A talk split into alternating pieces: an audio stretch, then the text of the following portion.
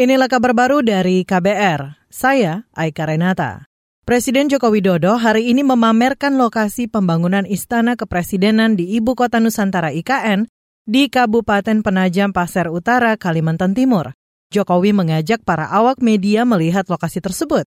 Dalam acara itu, Jokowi yakin upacara peringatan kemerdekaan Indonesia tahun depan bisa digelar di Istana Kepresidenan di IKN.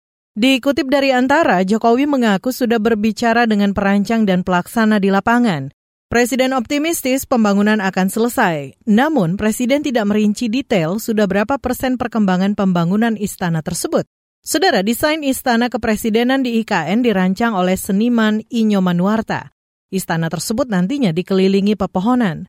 Dari desain yang ditampilkan, bangunan istana akan berbentuk seperti burung Garuda yang membentangkan sayapnya.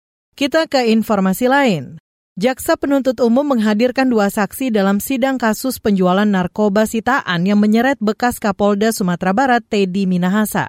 Salah satu saksi adalah Samsul Ma'arif, asisten bekas Kapolres Bukit Tinggi Dodi Prawira Negara. Samsul mengaku dirinya dan Dodi Prawira Negara berniat memusnahkan barang haram tersebut, namun urung terlaksana karena merasa takut. Secara jujur, baik saya ataupun saudara Dodi sebetulnya sudah jengkel banget. Kami sudah capek. Jadi saat itu saya ingat saya berkomunikasi uh, WhatsApp, saudara Dodi bilang sewa hotel nanti masukin kita musnahkan dan segala macam. Itu saya masih ingat kata-kata itu. Tapi komunikasi komunikasi itu antara saya dengan saudara Dodi. Tidak ada langsung perintah pemusnahan itu gitu. Sehingga kita tidak berani untuk melakukan itu. Itu tadi saksi Samsul Ma'arif. Sementara itu Teddy Minahasa akhirnya hadir sebagai terdakwa dalam sidang di Pengadilan Negeri Jakarta Barat hari ini. Teddy hadir setelah kemarin mangkir karena alasan sakit. Teddy didakwa menjual sabu sitaan hasil tangkapan Polres Bukit Tinggi.